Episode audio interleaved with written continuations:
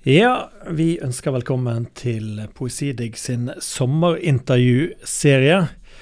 Eh, med oss i dag så har vi Pedro Carmona Alvarez. Eh, en eh, viktig skikkelse i både norsk lyrikk og bergensk lyrikk. Pedro han er mannen med alle maskene. En modig poet som ustanselig inntar nye stemmer og finner nye vridde posisjoner for å drive frem sine lyriske prosjekt. Helt fra sin debut i 1997 har det vært noe ubestemmelig over skriften hans, samt en tilsynelatende grenseløs vilje til å bryte gjennom til nye språklandskap og leke med identiteter. Løgnen som frihet. Løgnen som utbrytersk iscenesettelse. Minne og hukommelse som en høyst ubestandig og foranderlig kilde for stadig nye fortellinger og bilder. Pedro har i tillegg en livslang karriere som musiker og låtskriver, og har utvidet sitt publikum med medrivende romaner de seneste årene. I fjor kom essaysamlingen 'Refrenger', som ved siden av å presentere musikk og litteratur også kastet lys over Pedro sin egen biografi som barneflyktning fra Chile. Intet mindre. Om kort tid kommer poesisamlingen 'Inventarium', og den skal vi snakke om i dag. Vi sitter her og eh, vet begge at du skal eh, snart gi ut eh, en ny diktsamling. Mm. Jeg har spurt deg før, hvordan er det å utgi en ny diktsamling etter du har gitt ut samlede? Du, du kom ut med samlede for, for, bare kort tid siden, og så skal du liksom begynne, begynne på nytt? eller? Ja, altså de samla dikta, altså 'Buktalerens rike', som kom ut i 2017, den har jo, den har jo også eh, begynnelsen av inventarium med jeg hadde skrevet 10-12 sider på denne boka her da den kom ut, som jeg da inkluderte som et slags appendiks i den boka. Så en del av de tekstene har fått ny form i, i, i, i den ordentlige boka som kommer nå. Men mer enn samla dikt. Det var jo samla dikt, eh, Buktaleren, men, eh, men, det var egentlig mest for å dokumentere 20 år da, som poet. altså Debuterte i 97, og Buktalerens rike kom ut i 2017. Så det var liksom sånn et veldig sånn fin gest fra forlaget, mer enn noe annet. Eh, at de ville gi ut denne boken da for å, for å samle alle bøkene mine under, under uh, en fane. da. Sånn, siden en del av de eldre diktsamlingene ikke er så lett å få tak i lenger. Mm. Det var en uh, veldig fin uh, utgivelse. Uh, det spesielle med den var jo også det at du skrev litt til, eller om hver bok, og mm. tilblivelsen av hver bok. Mm. på en veldig uhøytidelig og, og fin måte, mm. der du slipper oss inn. Mm. var, det lett også, var det lett for deg å gjøre, og liksom å fortelle om, om noe av det livet som foregikk rundt samlingene? Ja, det var egentlig det. Det var veldig fint å gjøre det, fordi at um Altså Alle disse bøkene har jo blitt skrevet visse steder. Så plasser, geografier, topografier har jo alltid vært viktige liksom, i hele forfatterskapet mitt. Jeg har alltid vært opptatt av steder. Mm. Steder man enten er, eller steder man har forlatt. Og steder som, som på en måte fortsetter å virke da, i, i, folks minne. Uh, så for meg så har disse plassene vært viktige, fordi jeg har jo skrevet bøkene mine der. Med alt det det innebærer. Med veggene og bøkene og virkeligheten og relasjonene. Men jeg har jo også um, lest veldig mye sånne liner notes, altså plate.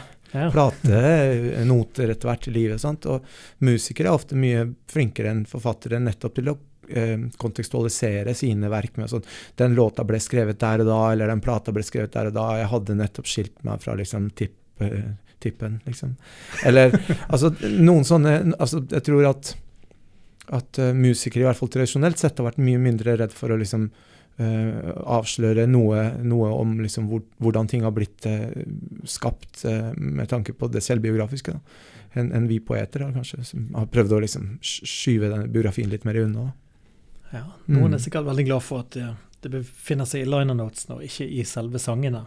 Ja, ja, absolutt. For jeg, vil, jo, for jeg vil jo si at, at selv om du, ditt forfatterskap har på en eller annen måte, Man blir jo kjent med deg gjennom ditt, dine dikt, men samtidig er jo det også en en stor lek av masker, og, og litt som jeg var inne på i innledningen. Mm. Altså, du har jo aldri vært utleverende på den måten rundt, rundt livet ditt, vil jeg si. Eh, det har alltid vært, vært, det har vært bug, det har vært ulike mm. figurer mm. inn og ut. Det har vært ja. kjønnsskifter og mm. identitetsskifter. Mm. Uh, ja, jeg tror jeg, det der har, kom ganske tidlig inn som en sånn slags uartikulert fascinasjon, tror jeg. Det der med liksom identitetsforandring og forvandling og alt dette her som er, som du sa, det, eh, i mangel av et bedre ord, egentlig, løgnaktige. Det, det er mm. liksom det skrønete. Som jeg syns alltid har vært fascinerende, fordi at det tilhører en uh, en sfære av, av liksom menneskevesenet som kanskje ikke nødvendigvis forbindes med liksom det kunstneriske, den store eh, katedralen, som er kunsten, mm. men som er mer, mye mer folkelig praksis. Eh, altså Småljuging, skrøning, altså den formen for oppfin oppfinnsomhet som finnes i folk flest, som bare er, eh, som er kreativ i hverdagen, den har jeg alltid syntes har vært veldig, veldig interessant. fordi at hva er det løgnen gjør, eller hva skrønen gjør? Den dekker jo over noe, men den skaper jo også noe. Så det er en dobbel praksis da, på et vis. Mm. Og etter hvert som jeg ble eldre og, og mer bevisst mine, mine skriftelementer, for å si sånn, så, så, har jo også dette med, med utvidelsen av liksom sannhetsbegrepet, eller det tøyelige i, i hva, hva, som er sant og ikke. Det at man kan strekke ting ut. Um, det har også uh, på en måte stilt seg i samme rekke da, som disse maskene. En maske er jo bare, det er jo bare et annet ansikt. Og du mm. kan jo putte så mange du vil oppå hverandre. Sant? Mm. Uh, så det er bare en måte å skape seg sjøl om til noe annet. da. Og når man mm. skaper seg sjøl om til noe annet, det er jo egentlig det vi gjør når vi skriver dikt, tenker jeg. Mm. Man blir et annet vesen. Ja, det er, det er jo veldig mye av mine, mine dikt som har biografiske ting i seg, eller nedslag i seg. Liksom. Det er veldig mye slekt i bøkene mine, veldig mye relasjoner, veldig mye fettere og kusiner og bestemødre. Men, men jeg har alltid liksom forsøkt å, å, insistere på retten til å si at min selvbiografi er jo selvfølgelig min, min nære selvbiografi. Min familie, mine relasjoner, mine nærmeste ting i livet. Mitt, mitt liv, da. Mm. Men, men, men, min biografi er også alle bøkene jeg har lest, og alle filmene jeg har sett, og alle platene jeg har hørt. Og det, jeg syns på en måte det er like naturlig å ta for meg av, av den biten da, av kaka når jeg skal skape noe. Jeg er fryktelig lite sånn opptatt av liksom, hvor ting hører hjemme da, når jeg skal liksom lage noe. Alt, alt går i gryta, liksom. Mm. uh, og det spiller ingen rolle. Og, og avstand Jeg er ikke så veldig god på avstand. Så liksom, for meg så er liksom Dylan og tanta mi kan være like nærme, liksom. ja, vi skal snakke litt om prosesser senere, og jeg er veldig veldig spent på hvordan disse tingene oppstår. Eh, det var vel Andy Warhol som sa at eh, den, den sanneste eh, det sanneste du kan finne i avbildning av et annet menneske, er poseringen. Mm. For det er i poseringen så det er der mm. vi avslører oss mm. på hva vi vil være. Ja, ja, ja. Så det, det, er på en måte det, det nakneste Absolutt. ansiktet er det fordekte. Mm. Så ja, Warhol var jo veldig, veldig bra nettopp til å både liksom fiksere det, det poserende vesenet, men også det vesenet hvis positur krakelerer. ikke sant? De her mm. screen-testene som han kjørte på ja. 60-tallet, hvor ja. han satte deg i et rom med et kamera, så gikk han, gikk han ut. Og så mm. satt du der i liksom fem minutter helt til liksom posituren falt sammen av seg sjøl. Ja. Hva skjer når du ikke lenger klarer å holde den der masken. og det er jo også interessant. For at uh, ja.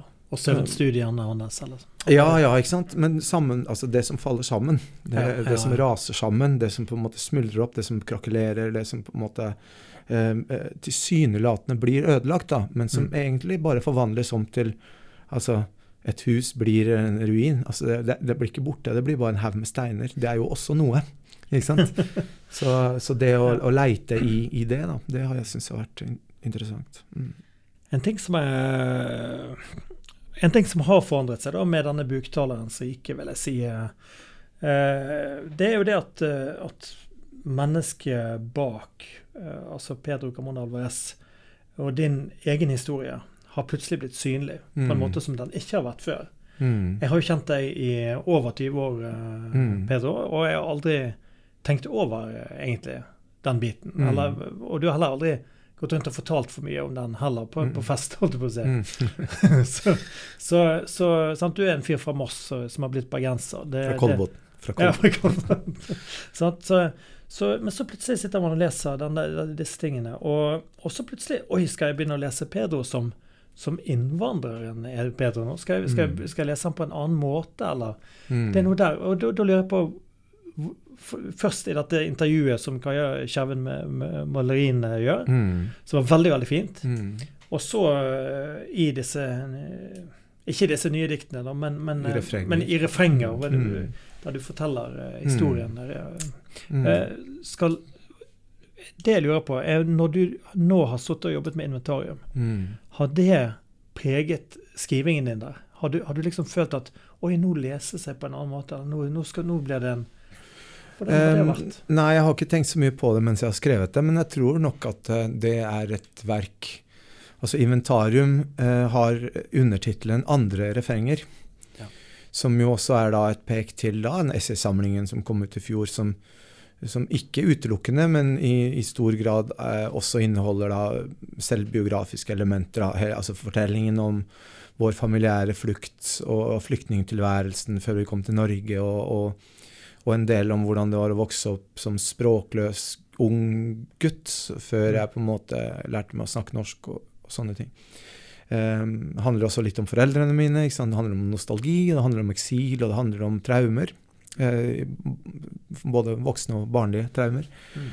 Og um, Så det er på en måte det, det, det var jo nødvendig for meg å skrive fordi at jeg fant ut at den biten av min historie var, helt den var veldig relevant hvis jeg først skulle snakke om litteratur, som jo var det jeg hadde lyst til å snakke om i refrenger. Mm. Jeg ville snakke om noen forfatterskap som var viktige for meg. Jeg ville snakke om stillheten, jeg ville snakke om døden, jeg ville snakke om voldsskildringer. jeg ville snakke om en del, en del, um, en del musikkting. eh, sanger, masker, som vi jo nevner.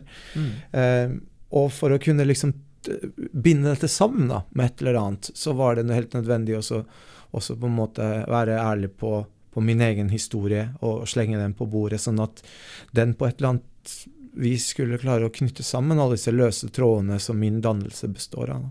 Mm. Min fascinasjon for mylder, min, min fascinasjon for kaos, min fascinasjon for nettopp det glidende, eh, eh, for det monomane, for insisteringen. Det er masse ting der Mm. som på en måte jeg fant ut at eh, ha, har med liksom min tidlige, mitt tidlige liv å gjøre. Og ikke minst det at jeg lærte meg jo norsk i en alder av 11-12 år, Mm. som jo også er en helt essensiell erfaring for meg. Altså, jeg skriver jo Jeg har jo bodd der i veldig veldig mange år, men jeg skriver jo fortsatt på et fremmedspråk, hvis man tenker på det på den Mm. måten. sant? Mm. Så, um, Ja. så alt det her er liksom viktig. Da. Det er språkforståelse, virkelighetsforståelse, historisk forståelse, um, kontinental tilhørighet. Jeg har alltid følt meg veldig nærme det amerikanske. Ikke Mm. bare det latinamerikanske, men hele det amerikanske kontinentet er viktig for meg. Jeg hører jo Mm. på gammel, altså gammel, gammel country, liksom. Jeg hører på gammel blues. Jeg er jo altså jeg har en kollega av meg som sier sånn Du er faen meg den hviteste mannen jeg har hørt eh, jeg har sett, liksom. Jeg hører på apalachiske ballader, liksom. Eh, Og, og det har jeg gjort i mange, mange år. Det interesserer meg, liksom, det kontinentet. Det gjør det, virkelig. Ja. Og eh, Nei, vi, vi alle i vår generasjon er vokst opp med amerikanske filmer, amerikansk musikk. mm, mm. Og, og det er jo det vi Mm. Vår mytologi er jo laget Ja, det er absolutt det. Men for min del så har det også vært en sånn Det å få øyne på at den amerikanske kulturen, og, og ikke bare den altså populærkulturen, men den, den djupere altså, Tenk på den litterære arven som vi har i Latin-Amerika. Det at du vokser opp ved å lese Cervantes og Gongora, liksom, Mm. som jo er dine litterære forgjengere på et eller annet vis, men som, som er fra feil kontinent. Altså, Ja, ikke sant? For det, det er europeere. Det er, vi, altså, jeg har jo vokst opp med et omplanta kolonialistisk eh, støvel i, i trynet, egentlig. ikke sant? Mm. Språklig sett og Ja. kulturelt sett. Og det er sånne ting som man, man bruker ganske lang tid på å få øynene på. da. Mm. Det at, um, at det er en språklig virkelighet som er nesten lik, men veldig veldig forskjellig. Da. Det er kontinental, kontinentale forskjeller da, mellom, Ja. mellom det, det spanske og det engelskspråklige Amerika og det engelskspråklige og spanskspråklige Europa. på en måte. Ja, ja. Mm. Eh, det at eh, språket kom, eh, kom til deg så sent Eller det, altså det, det, det språket du skriver på, kom til deg sent. Mm. Hvordan har det Føler du at det har preget din måte å skrive på, på noen måte? Altså ditt forhold til språket, eller, eller Har det gjort det mer fremmed? Har det blitt mer som Kan, kan du ha et distansert forhold? Altså at det, og du går jo selvfølgelig Du gikk jo sikkert på et tidlig tidspunkt begynte å tenke norsk, Mm. vil jeg tro. Mm. Altså 15-16, kanskje. Mm. Eller. Mm. Så, men, men, men, eh, men på en eller annen måte så må det også være noe fremmed der. Er det noe å vinne på den fremmedheten, eller? Ja, jeg tror det. Avstand eh, tror jeg er bra for språk. At man, ser, man kan zoome litt ut og se hvordan det er bygd opp, og hvordan det er satt sammen. Eh. Det tror jeg er, en styrke. Um, og ikke minst så tror jeg for min del så var det jo veldig Altså det å være um, utsatt for den typen språkløshet som jeg erfarte som 10-11-åring, Mm. gjør at du, blir veldig besatt av språk. Du blir veldig interessert i hva det her er for noe. liksom. Det nye språket, du må lære liksom, Hvert eneste ord må læres, på en måte. Alt. ikke sant? Fra bånn av. Altså fra, du kan ingenting. Ingenting. Ja. Og så må du begynne å liksom stable sammen kunnskap som på et vis ligner ditt eget språk. Sant? Noen ting er jo like, men så er det veldig, veldig mange ting som er forskjellige. Og da snak, Nå snakker jeg grammatikk og syntaks og alt sånn. Det indre liksom språkets maskineri. da. Mm. Verbbøyning, adjektivbøyning, kjønning, altså alt det her. sant? Intet kjønn, liksom. Det finnes jo ikke på spansk. Hvordan, hvordan får man hodet rundt det, liksom? Ikke? Ett tre, liksom. Ja. Det heter jo, altså, På spansk er det tre hannkjønn. Ja, ja. Hvordan, altså bare det forandrer på en måte liksom det mentale rommet. da. Og så er det så, det var et mareritt for oversetterne, tenker jeg. Ikke sant? Ja, ja, men altså, nå som jeg oversetter sjøl òg, så ser jeg f.eks. det som er vanskelig med spansk å overføre til norsk. Det er en del sånne genitivsting og en del sånne, Mm. sånne greier, da. Men, men det å liksom uh, bli klar over at språk er, er forskjellige og, og ganske like, og at det er bygd opp på forskjellige måter, skrudd sammen på forskjellige måter, rett og slett, det, mm, det tror jeg har vært eh, helt essensielt for at jeg i det hele tatt begynte å interessere meg for skriving. Altså. Og, det, og det engelske språket, som er det liksom tredje beinet mitt, da, som har vært liksom med siden jeg var liten òg. Jeg har jo jobba skrevet på engelsk mm, musikk, i hvert fall. Veldig lenge også. Men det er liksom Ja, nei, det, det blir jo en litt sånn besettelse. Jeg ble ganske tidlig besatt av det. Og først og fremst fordi det var nødvendig å kunne liksom ta igjen, svare, når noen gjorde narr av meg, og når noen liksom syntes jeg var dum fordi jeg ikke forsto, og, og, og liksom at jeg sa ting feil og sånn. Så først og fremst var det nødvendighet å lære seg dette språket for å kunne ta igjen, liksom. Det var jo makt. Maktmiddel. Um, og det er det jo. Eh, det veit Ja, ja. man jo. Sant? Mm. Mm. I alle fall i skolegården. Ja, og i skolegården og i politikken og i liksom overalt, det. Mm. Um, denne, eh, denne boken, eh, 'Inventarium', eh, vi, vi skal tilbake igjen til den. Eh, Det går det an å si at Jeg har jo lest denne én gang bare. Det er på en PDF. Det, dette er helt rykende ferskt. Mm. Kommer ut om et par uker. Uh, Mm. Og jeg er nesten litt svimmel etter å ha vært inne i denne, denne, disse 144 uh, dampende sidene. For det er ganske Det er mye å ta inn der, da. Det er Mm. et overflødighetshorn av sterke bilder og små meningsforskyvninger Mm. gjennom der, altså. Eh, men det som kanskje slår meg med det, det er at, at det er minner meg veldig om Altså, jeg har vært på tre eh, ulike poesifestivaler i, i, i Latin-Amerika. Og, og mye av den poesien som jeg hørte der, Mm. den, den ligner litt Altså, Mm. dette står nærmere det Mm. Nå er jeg veldig ulærd på dette, men jeg, men jeg, jeg føler at dette står nærmere den språktradisjonen enn en den kanskje litt mer Ja. modernistisk Eller liksom ikke modernistisk, men, men, men på en måte europeiske tradisjonen som du har vært innom tidligere. Mm. At du har kanskje har, har det at du har hjemsøkt Altså boken hjemsøker jo på en måte noe gammelt, der, Mm. der du kommer fra. Mm. Har det på en eller annen måte også gjort noe med Ja, det vil jeg tro. Mm. Jeg har kanskje ikke tenkt så mye på det underveis, men jeg har skrevet denne boka her mens jeg har hørt på veldig veldig mye sånn gammel latinamerikansk musikk. Så det spanske språket har jo vært svevende rundt i rommet mens jeg har skrevet det, boka. Så det har jo litt å si. Men også det en del forfatterskap som jeg har eh, interessert meg for eh, de siste åra, som eh, som f.eks. Eh, Alfonsina Storni, som er en, en, en argentinsk poet som, eh, som døde på jeg kan, hva det vært 30-tallet, liksom. En sånn typisk sånn kvinne som, eh, som, ble oversett i samtida, og som da i ettertida har løfta opp til en viss grad, ikke sant. Mm. Eller um, eller Gabriela Mistral, som også er en chilensk poet som fikk, hun fikk Nobelprisen i 45, men som i veldig veldig stor grad har blitt uh, kommet i skyggen av de store latinamerikanske forfatterskapene. En annen poet er en fyr som heter Vicente Widobro, som var liksom den mest avantgardistiske surrealisten. Han stakk av til Paris ganske tidlig og virka egentlig mest i Europa. Ja. Men uh, også ting som jeg har lest uh, underveis. da. Men jeg tror du har rett i det at, uh, at Inventarium også er en det er en, en, en, en melankolsk bok på mange måter. det er en bok som på en måte inneholder stemmer fra både denne og den andre siden av livet. Og de folka som snakker der, er vel liksom snakker om ting som har vært, da. Um, men også en bok som er Sånn som jeg ser på den, så er den billedlig annerledes enn mine andre bøker. Det er en mye større metaforisk eh, tilstedeværelse i boka. Mye, mye mer sånn Surrealisme er riktig ord, men i hvert fall jeg har forsøkt og har villet å liksom skape en del bilder da, som, eh, som eh, som tilhører kanskje den typen uh, tradisjon. Da. Heller enn den litt strengere modernismen. Du forsvarer jo til og med metaforen uh, eksplisitt i boken. Du skriver «Jeg har lært at metaforer utvider det menneskelige erfaringsrommet og utvikler fortellingens fortryllende teknikker. I en linje i boken. Jeg måtte notere det. Ja, det er, jo, det er jo det vi lærer da, når vi leser Odysseen og Iliaden. Det er at uh, Homers similer er jo Det er det de gjør, liksom. De lenker jo de lenker jo kunnskap til kunnskap. Jeg har alltid vært veldig glad i sånne lange langmetaforer i, i prosaen. Den romanen min som heter 'Rust', som kom ut for 10-11 år siden, den er jo full av sånne lange homeriske similer.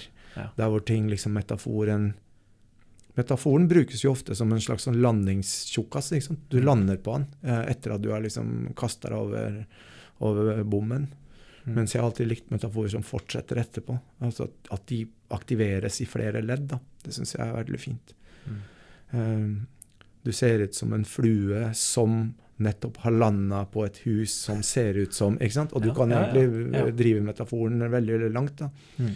Sånn at, eh, og det er jo det Homer gjør i, i sine mm. verk. At, at grunnbildet blir på en måte Det er bare liksom det som setter i gang metaforen. Det kommer mm. fabelaktige, lange lange beskrivelser av, av dyreliv.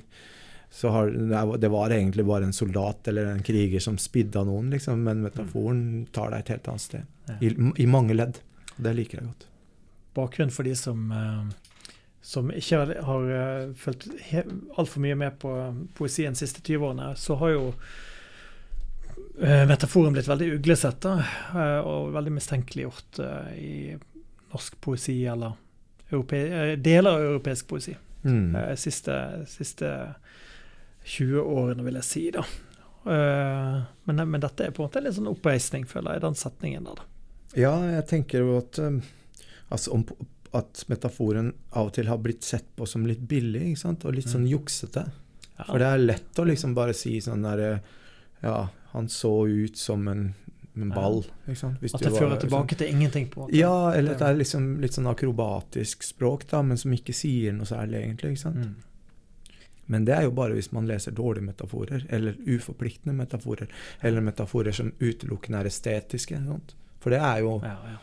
Det kan man jo gjøre. Man kan jo estetisere hva som helst og si at det ser ut som noe. ikke sant? Jeg har også tenkt at metaforen er helt uh, det er lett for oss uh, å si at metaforen ikke er viktig, men det er, mm. i mange mange, mange land så er metaforen helt dødsviktig. Ja, ja. Veldig, Nemlig med å skjule ulike politiske budskap og, og sant, de mm. uh, ja, for metaforen krever jo også kunnskap for å kunne pakke den ut. Du må jo kunne avlese en metafor riktig for å, for å, få, for å få, med deg det du skal. Mm. Men jeg er jo helt enig. Men som alt annet, som alle andre um, virkemidler vi har til rådighet, da, så må man jo bruke det godt. Hvis ikke så blir det bare plumpt. Mm. Ja. Eh, jeg tenker kanskje det er på tide å få høre fra inventarium. Eh, du har gjort klar en liten sånn eh, ja. Dette er så nytt at Pedro må lese fra mobilen sin. Jeg bare vil illustrere det. Ja, jeg skal lese et lite dikt fra inventarium. Jeg ble tatt, forsvant, døde og ble til en hest. Nei, jeg ble til alle hester. De slepte meg ut, og jeg gikk i døden. Vannet ventet på meg med sine gjennomsiktige armer. Jeg kysset den gjørmete bunnen og gresset mens bølgene rusket til menneskeminnene. Jeg glemte og glemte, fikk svaiende øyne, kroppen ble lett, som den til en hest som veier lite, som har lovet å glemme at den en gang var en jente som trengte føde, mor, flyteplagg. Jeg ble til alle hester. Rekreasjonsdyr, terapidyr, statussymbol og pastoral trøst. Kentaur, hestehale og hastighet, jeg spredte skrekk blant alle dem som ikke hadde temmet meg. En gang ble jeg den druknede hesten, den myrdede hesten, den hvite hesten jeg hadde kalt på i en barnesang. Jeg ble født i Troja, men kom til Alexandria som følg, og ble et bibliotekfantom over manesjen. Tusen takk, eh, Pedro. Altså, denne typen skrivestil, og du har snakket litt om å, å jage etter det lette. Altså det Mm. lette, det skal ikke alltid være motstand. Språk skal, det skal ikke være eh, Et språk er ikke godt bare fordi det er motstand. Mm. Det kan også komme med, med letthet. Litt om, om hvordan disse diktene blir til. Jeg innbiller meg at denne type dikt, altså disse lange, lengre passasjene, Mm. dette å kverne i det samme materialet, Mm. krever, et visst driv eller en, en flyt, eller Ja. komme i en sone. Hvordan, hvordan kommer du dit, eller hvis det er sånn, da? Jeg, jeg skriver jo mm, som alle andre i, i Jeg bare Jo, det Altså, min prosess, eller min metode ofte, er at jeg skriver, skriver litt, eh, og eh, ting kommer liksom i sånne raptuser. Kommer jo ofte masse greier samtidig. Og så må jeg begynne å liksom rydde opp og liksom dele opp og se hvor ting passer, liksom. Sant? Det, er, det, er, mye snakk om hester der, så jeg tar alle hestediktene, eller jeg prøver å pakke de sammen da, for å se om, om, de, om de kan høre sammen. Da. Men ehm, begge deler, altså hastighet eh, er, er viktig. Det å skrive fort og galt og, og, og, og kjapt, liksom, sånn at, eh, sånn at det finnes minst mulig minst mulig motstand mellom det som på en måte er på innsida av hodet, og det som kommer ut på papiret. da. Eh, men samtidig også en enorm langsomhet. da. At du ba bare veit at tingene kan ta år. Altså et sånt dikt som det kan jo ta mange år å skrive. Mm. Eller mange år å lande, da. Du har liksom har sikkert hatt eh, 50 forskjellige versjoner av akkurat det diktet. Mm. Um, og særlig denne boken her, som er en sånn Hva skal man si? Litt sånn um,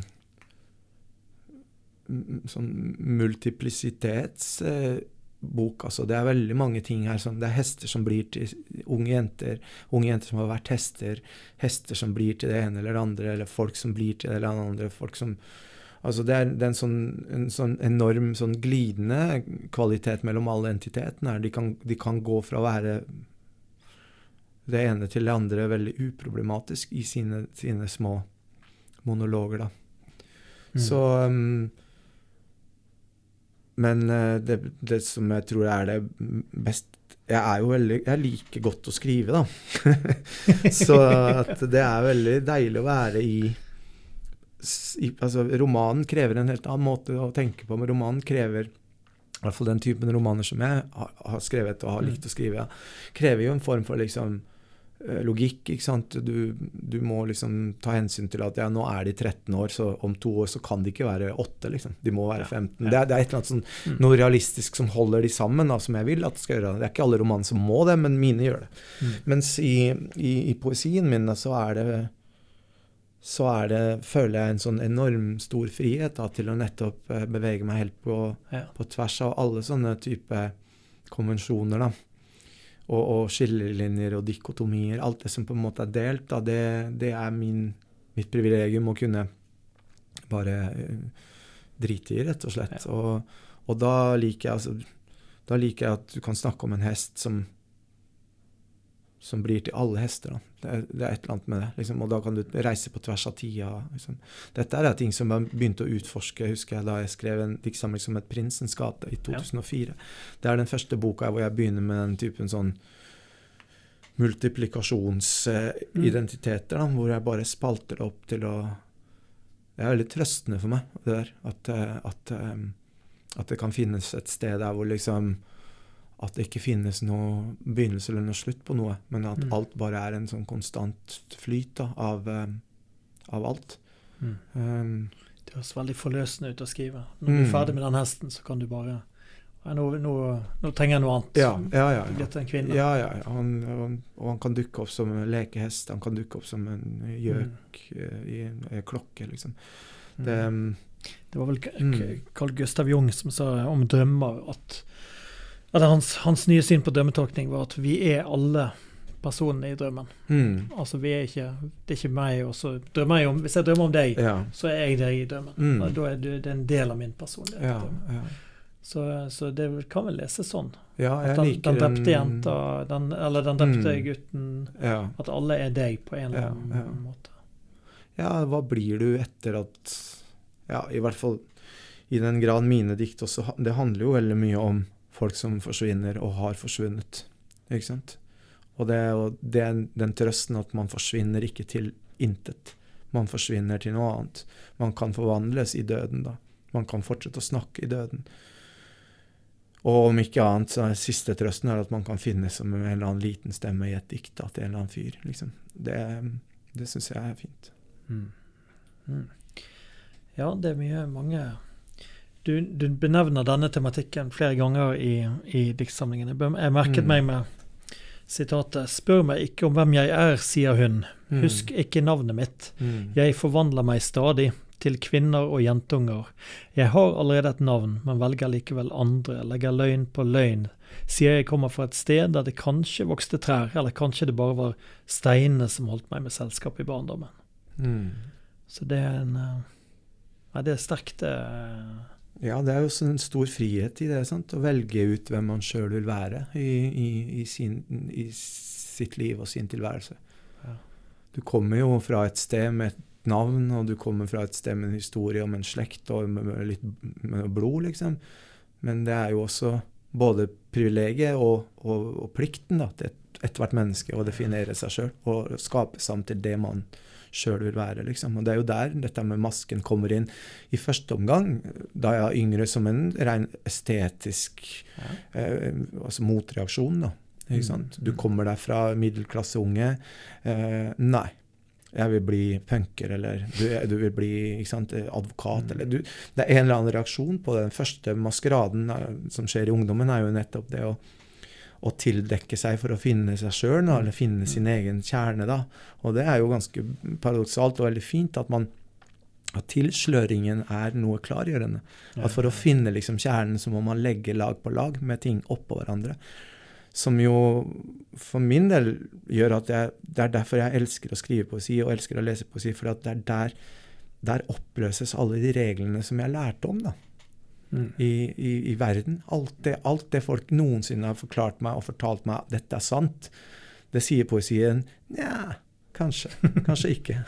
er det så viktig, liksom? Mm. Mm. Og, da, og, den, og, poesien har plass til nettopp den typen sånn motsigelser som det. da. Ja. Sant? Uh, og det, det, er jo fantastisk å, å kunne arbeide med sånt stoff i språk, syns jeg. Jeg greier ikke å få bilder av eh, den unge Pedro som jeg møter første gang i kanskje i 98, som står utenfor garasje med sorte klær og eh, sminke og maskara og Det er en, det er en type. Mm. Ja, en type, han der. Som debuterer da med helter rundt eh, den tiden. Og tenker, når, hvis du tenker tilbake på debuten, da. Altså den som skulle sette sammen dette, dette, språket som skulle bli Pedro Camón Alvarez sitt forfatterskap. Mm. Når du skulle inn i det og sånn, så, så tenker jeg, jeg, Det jeg forbinder med debuten, det er en sånn enorm uh, glød, eller en sånn enorm Nå skal jeg erobre verden. Mm. Eller en sånn mm. grenseløshet i forhold til språkets mm. evne til å til å, å ta over alt. da. Eh, eh, og jeg vet at du har, du har, eh, har eh, Vi har snakket om disse tingene, og at, at du har kjent deg igjen i det. Men Mm. det har, det har det forandret seg? Med, de, med? Nå, nå er det stipender, og så går årene, og så blir det Oi, en bok er ferdig, du må ha en ny bok. Altså, som, Eh. som erfaren forfatter Nei, jeg tror ikke det har forandra seg. Snarere tvert imot. Jeg har blitt enda mer begeistret for den litterære muligheten. Altså Mm. både som, eh, både som eh, forfatter sjøl, men også ikke minst som leser. mm. Det at litteratur for meg er en, en, eh, en, eh, en helt konkret hverdagslig erfaring som går ut på å være til stede i verden. Å være til stede i verden på en viss måte. Mm. Å være skrivende i sitt eget liv er jo, er jo en hva skal man si, en sjeløyd erfaring. Du lever, og så veit du at du skriver om det samme samtidig. på en måte, Ja. Så du er litt i spagaten hele tiden. Ja. Og det syns jeg er interessant og, og, og, og, veldig, veldig Det var jo veldig forløsende da jeg fant liksom mitt språk, da, for å si det sånn, med, med debuten og sånn. Så var det jo slik at de to åra før jeg debuterte, det var jo først da jeg fant ut hva som var liksom mitt min tematiske brønn, da, for å si det sånn. Før det så hadde jeg skrevet eh, dikt om ja, jenter og forelskelser og liksom det, det å være ung, ikke sant, som er Mm. hvor, du er ung og du har liksom ting tett på deg. Mm. Det er lite horisont i ungdommen. Det er veldig mye tetthet. Mm. Mens eh, da jeg begynte liksom å vende meg mot, ja, mot det spanskspråklige Jeg tror 'Helter' er også en bok som er veldig veldig prega av, av det spanskspråklige. Lorca, Neruda ehm, den, den, den lesningen jeg gjorde av de poetene på den tiden. Ehm, men det gjorde at jeg fant liksom noe som var mitt. da. Altså, du ser jo at helter er full av ørkener og helgenbilder helgenbilder og jomfru Maria og i, Mm. sant, hengte Jesuser og sånn.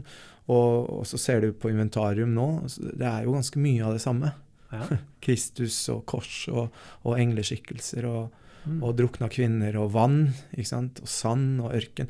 Det er et eller annet med, der, med hele landskapet til helter som da mm, som, som på en måte Som var helt sånn Ja, det var som å finne seg sjøl.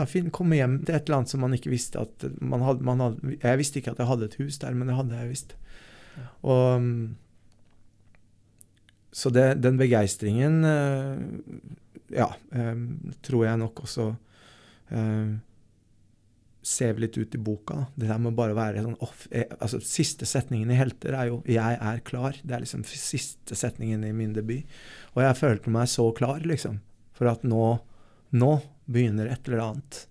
Mm. Sant? 25 år og Ja, nå er jeg Nå, liksom. Mm. Eh, uten å helt vite hva det, hva det var, men jeg visste at det var noe, liksom. Ja. Så ja. Man skal ikke alltid vite hva ting er heller. Det er jo, det er jo også en noe av det fineste med å skrive poesi. At man ikke trenger å ha full oversikt eh, over ting. Det er, det er fint. det. Masse blindsoner og masse sånn. Jeg aner ikke. Jeg veit ikke hva det betyr. Jeg har ikke peiling. Men syns du, hva syns du om, om resten av Jeg pleier å spørre alle her. Altså, hva syns du om resten av den norske poesien? da? Altså, altså Føler du at den er litt for altså, du, du har jo eh, Du og Gunnar Wærnes, dere lagde en eh, po poesioversettelsesantologi med, Mm. med all verdens dikt. eh, Mm. Dikt fra, fra virkelig alle kontinenter, og, og Mm. som var, var en slags åpenbaring for mange. Mm. Nettopp at kan, kan poesi være alle disse tingene? Altså, det, Mm. det ble veldig tydelig at det Mm. hvor du kommer fra, betyr alt for hva, hva, Ja, ja. Mm. hva det er for noe. Mm. Men, men eh, denne, denne norske Føler du at det er for, for mye motstand? For mye uh, for, for tungt, eller, eller i, i forhold til din estetikk? Nei, som- nei. Det, altså, jeg, jeg har aldri vært så opptatt av sånt. Altså, min estetikk er jo ikke nødvendigvis eh, Altså, min estetikk er jo min estetikk. Det er mine preferanser. Jeg veit jo hva jeg liker. Det er, altså, hva jeg liker, og hva jeg elsker. Det er jo Ikke sant? Eller, og hva jeg ikke syns er så interessant. Og hva jeg synes, altså, en ting er det jeg syns er dårlig, liksom. Men det, det, bryr jeg, det bruker jeg ikke noe særlig tid på. Og så er det en del andre forfatterskap som jeg, som jeg følger som jeg leser, men som ikke liksom er mine forfatterskap, som er liksom Å, dette er liksom verdens beste greier. Men jeg, jeg følger det fordi jeg syns det er interessant, det, det folk gjør, da. Mm. Men, um, men nei da. Jeg, jeg, jeg syns det er masse det, det, blir skrevet bra ting, og det er masse ting jeg på en måte som har vært viktige for meg som poet, altså norske ting også. Men sånn f.eks. Inger Elisabeth Hansens eh, mm. eh, forfatterskap har jo vært veldig veldig, veldig viktig for meg som mm. poet. Um, hun forholder seg også veldig til det spanske. Ja, det gjør hun også. Det gjør mm. hun også. Så det har sikkert noe med det å gjøre òg. Men, men altså, måten hennes Det at poesien At poesien både er noe som er individuelt, et, et, individuelt blikk på verden, men ikke utelukkende om individet. Men at mm. blikket er liksom vendt ut mot andre typer strukturer. Jeg syns f.eks. at Gunnar Wærnes også er en sånn fyr som har et blikk på liksom det strukturelle der ute, det historiske, på en måte som jeg ikke er i stand til å gjøre sjøl på samme måte. Mm. Uh, jeg er nok en tristere poet enn en det, liksom. Sant? Men, uh, men også er det men jeg liker jo altså jeg mener En av mine virkelig favorittpoeter er jo Ulf Karl Olof Nilsson. Og han er jo den strengeste, formal, mest formalistiske poeten som mm. fins. Og den mest altså, modernistiske og jævla altså, og, Men han er superbra og gøyal og vittig mm. og, og alt på en gang. Intelligent. Og, så Monica Aasprung sine ting, mm. f.eks., som er jo veldig veldig dogmatiske blitt etter hvert. Altså, mm. uh, som er bra. Nei, poeter er liksom mm. Jeg er bare opptatt av gode poeter. Om de er gode, liksom. Hvis de er gode, ja. så er det bra. Mm. Du underviser jo, du har undervist i dag faktisk på, på videregående studie på Skrivekunstakademiet i Hordaland. Hva er, hva er din uh, hva er ditt tips til de som sitter og hører på, som, som som har begynt å skrive. Og, altså hvis, hvis, du skulle prøve også, å gi Words and advice for young people. Words and advice for young people. Er det Ja, nei eh, Jeg tror ikke det fins noen annen måte å gjøre det på. Eller hvis du skal ha et skrivevenneliv, da, mm.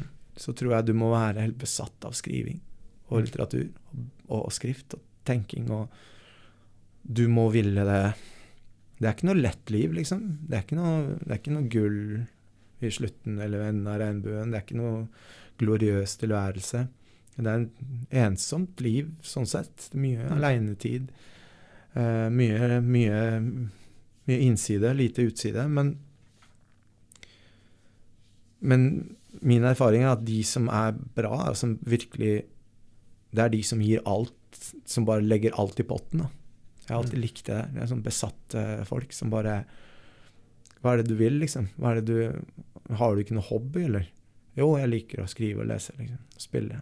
Mikse. Mm.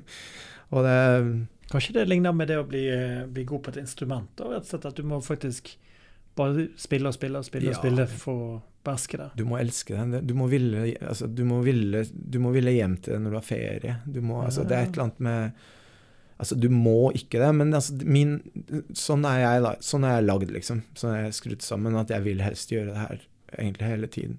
Og så finnes det jo mange andre måter å gjøre det på som er Du kan liksom være strukturert på andre måter og sånn, men, men jeg tror den der kjærligheten i bånn, det er det jeg prøver å si, at det, det, må være en kjærlighet der. Og mm. med fare for å høres cheesy ut, så er det liksom det at du må være Du må ville ha det så jævlig, den skrivinga. Det å på en måte bruke så mye tid og energi på å språkliggjøre verden, altså. Og noe som eh, Noe som er litt sånn fåfengt, altså. Vi er antageligvis alle sammen glemt om noen, noen få år. Altså mm.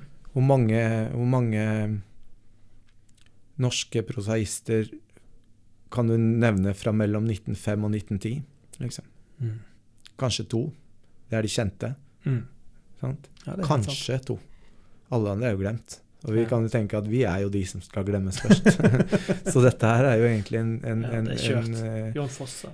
Ikke sant? står igjen. Ja, ja sant. Kanskje, kanskje, Fosse Solstad en stund, eller Frøkstad en stund. Men, men, alle andre, vi kommer til å dras ned i den brønnen ganske fort. Og da, det, på en måte, det, er, det er viktig da, å vite at det er det du skriver opp mot, liksom. Det er den som er den store kyklopen der ute, altså, som vi slåss mot. Men vi kommer oss ikke ut av det hølet. Og, og likevel gjøre det. Og likevel vite at ja vel, jeg kunne gjort mange andre ting, men det er dette her jeg har lyst til å bruke livet mitt på. Og det ser jeg hos de unge, de, de unge studentene mine, som, de som virkelig er bra. Mm. Du ser det i øya på dem. Det er bare at de ble bitt av den samme, Mm. av den samme bilden da, Mm. en eller annen gang i ungdommen, og det er så, det er så fint å se. For det, det gjør at du får De tar det på alvor, ikke sant. Det skjærer i hjertet deres å, å, måtte gjøre det her. De sliter som faen for å få til det de har lyst til å gjøre. Og så er det et eller annet Det er jo et speil òg, det minner deg om hvor jævla rasende mye du ville det sjøl. Eller ville dette sjøl, da, da jeg var ung i hvert fall. Så det er en veldig fin, fin ting å kunne se på nært hold. Mm. Mm. Eh, Pedro, eh, vi skal høre deg lese litt til. Vi har to ting som gjenstår i denne praten. og Vi skal snakke litt om boken 'Skjærsild', som også er helt rykende fersk, av Raoul Sorita. eh, som kom ut nå, og som du har oversatt. Eh, den må vi snakke om, men vi vil også høre det lese. Så jeg foreslår at vi hører Nå har vi snakket om inventarium, så Mm. kanskje vi hører fra den først. Mm. Og så snakker vi litt om oversettelsen etterpå. Ja, jeg skal lese et dikt fra Inventarium. Um, jeg tror det er et av de hestediktene fra Inventarium. Hva er igjen, spør hun seg, av barnet som nå er voksent og utmattet. Det er hull i husene, hull i klasserommene. Søvnløse hull i brystet, hull som gaper som nakne oldinger. Hun tenker på jentungen og blir jentungen som går hjem i regnet med våte sko til pikerommet, til alle hullene, til den døde vennen, som i døden er et hull. Er det sånn at den lille hesten ved nattbordslampen hans ble gitt vekk, kastet, glemt av alle andre enn det døde hullet om meg?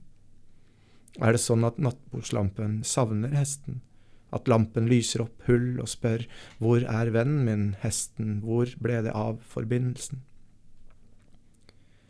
Det finnes bare halve ting her, en halv fugl med bare én vinge, ett øye, en halv knekt fot, hesten delt på midten, elskeren hos en annen elsker, et barn som vil spise, men det finnes bare et halvt bryst, et halvt brød i et halvt hus, og barnet har bare en halv våt hånd som løfter halve smuler mot det kløyvde ansiktet, en halv maske, lunken over en kaldere maske. Du kommer ikke tilbake. Ikke engang halve kroppen din vil jeg se halte bortover den halve gaten. Jeg kaller på deg, men du kommer ikke tilbake. Så jeg drar og blir en halv kvinne.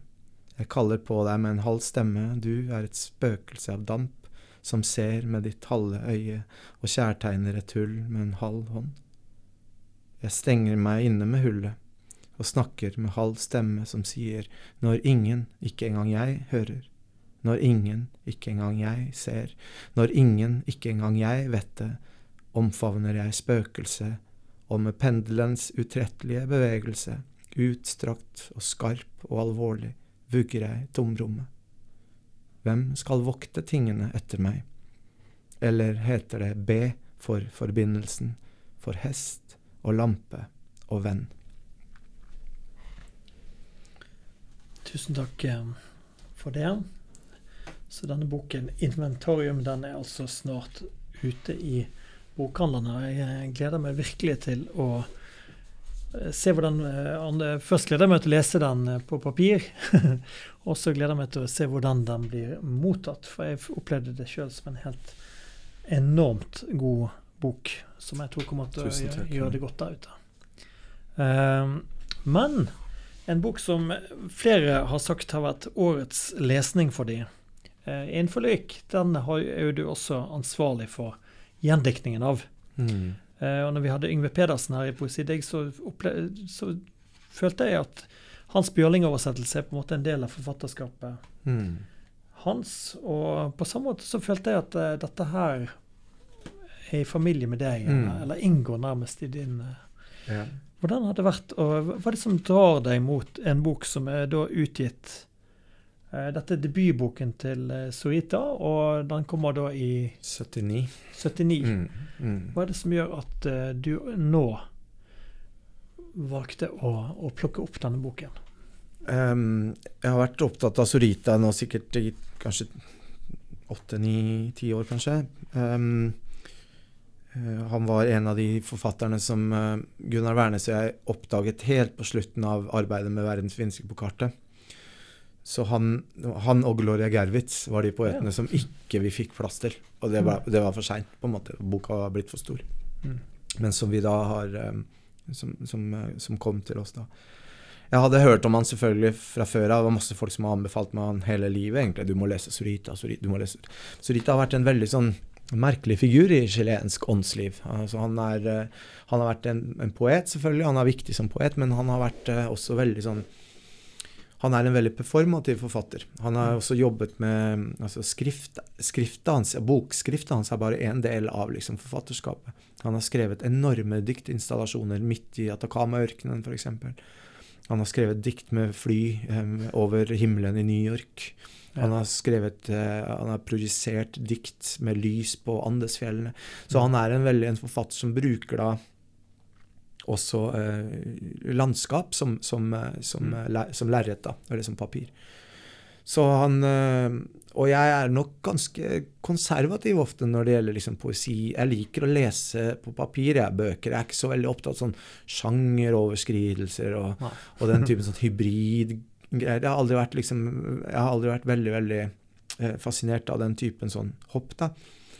Um, men da jeg begynte å lese Sorita, så, og innså hvor hvor insisterende skrifta hans er, og hvor enormt lite den utvikler seg. Ja. Hvor mye av den som bare er sirkulær. Eh, altså i hele, hele forfatterskapet? Hele forfatterskapet hans eh, handler egentlig om Altså den uretten som ble, som ble etablert med, eh, med Pinochets eh, militærdiktatur i 1973, og de forbrytelsene som ble som ble gjennomført av diktaturet etter altså de 17 årene det varte. da.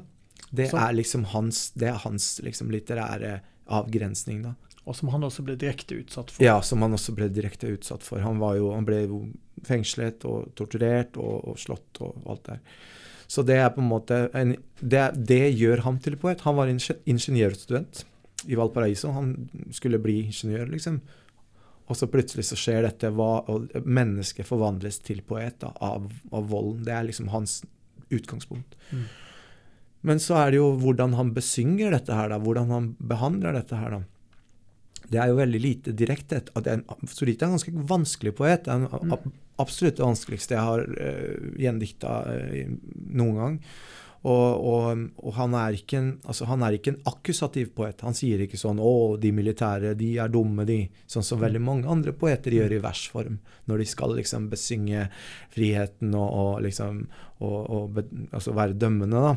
Mm. Men Sorita han vender seg andre steder. Han vender seg til liksom noen poetiske figurer som for eksempel så finnes det da Dette fant man jo ut i Chile etter hvert, at en måte som diktaturet kvittet seg med, med opposisjonelle på, det var at man dro dem opp i helikopteret, og der man drepte de, eller ikke engang alltid drepte de, men de skar dem opp fra, fra liksom halsen til buken og kastet dem ut i Stillehavet. Og de skar dem opp sånn at ikke likene skulle flyte. da. Mm. Mange av disse likene ble skylt i land. Mange av disse likene ble også eh, dumpet over, over Atacama-ørkenen, som jo er verdens tørreste sted. Mm. Der de tenkte at der kommer de aldri til å bli funnet. Finnes, de fant jo veldig, veldig masse massegraver ja. etter hvert i, i, ørkenen. Og dette her er Soritas, liksom. Dette her er det Sorita går og begynner å skrive om. da. Landskapet, Men Hvordan gjør han ørkenen. det uten å benevne hva som skjer? Han, eh, han, eh, han skriver om eh, fallende snøflak som ser ut som guttunger, eller steiner som lander i sjøen og blir til sølvfarga fisker, eller alger, eller armer. Altså, han, han, han skriver aldri om, om, det som skjer. Han skriver bare han, Apropos det du nevnte i sted, med det om å zoome ut, ja. språklig, da. Men han zoomer også ut sånn geologisk, sånn at den tiden mm. som eh, det diktatoriske mm, den diktatoriske bestialiteten foregår i. Den tiden er bare liksom et nanosekund hvis du zoomer ut og tenker på geologisk tid, som jo er ørkenens tid, og havets tid. Og før havet kom her, hva var det da?